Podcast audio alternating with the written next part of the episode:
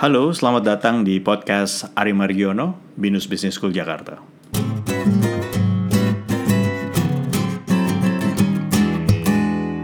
Sekarang bagaimana kalau pemerintah ternyata tidak cepat, tidak tanggap, dan malah cenderung bermasalah dalam menangani kondisi ekonomi ketika masyarakat masih harus berjuang menghadapi COVID-19. Masyarakat tidak bisa keluar rumah, masyarakat tidak bisa beraktivitas seperti biasa, masyarakat tidak mampu untuk mandiri, bisnis juga mulai kolaps, bisnis tidak bisa melakukan aktivitasnya seperti biasa, dan keadaan penuh dengan kekacauan. Senario keempat ini saya sebut sebagai chaotic scenario. Apa yang harus dilakukan perusahaan ketika menghadapi dunia seperti yang digambarkan oleh senario 4 ini? Ketika perusahaan harus berdiri sendiri menghadapi gempuran COVID-19 tidak bisa lagi beroperasi secara normal karena semua orang harus ada di rumah.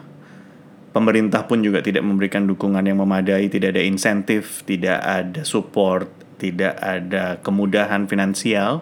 Maka langkah yang diambil oleh perusahaan biasanya adalah melakukan exit atau keluar dari bisnis yang ada sekarang, menutup bisnisnya untuk mencegah kerugian yang lebih lanjut. Namun ini bukan berarti akhir dari semuanya, karena perusahaan bisa mengembangkan sesuatu yang baru, melakukan reborn, atau menggunakan strategi yang berbeda, model bisnis yang berbeda untuk menyesuaikan dengan kondisi lingkungan atau kondisi environment yang sama sekali berbeda. Di sinilah kemudian model bisnis kewirausahaan sosial menjadi relevan. Perusahaan-perusahaan yang exit tadi bisa lahir kembali menjadi social enterprise.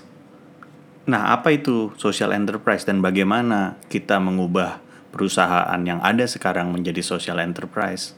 Ada tiga langkah utama yang harus dilakukan ketika kita membangun social enterprise. Pertama, social enterprise harus memiliki misi sosial yang jelas dan misi sosial ini harus jauh lebih besar dari misi shareholder untuk mendapatkan profit.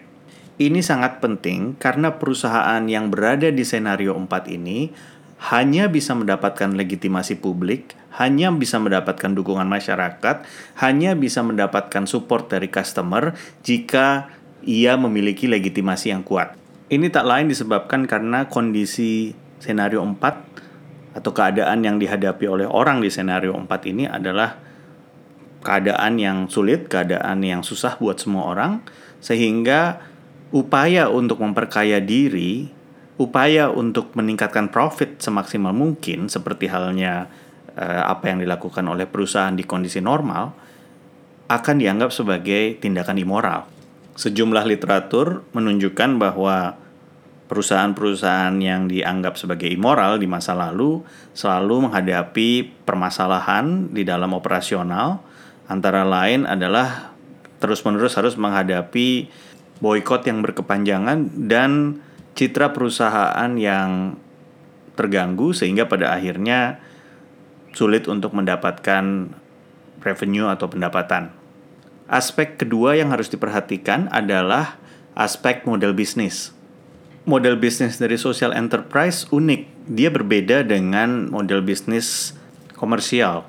Yang terpenting dari model bisnis social enterprise adalah ia bukan NGO, ia bukan LSM, sehingga ia tetap melakukan aktivitas bisnis. Namun sedemikian rupa aktivitas bisnis ini ditata sehingga tujuan sosial menjadi titik beratnya.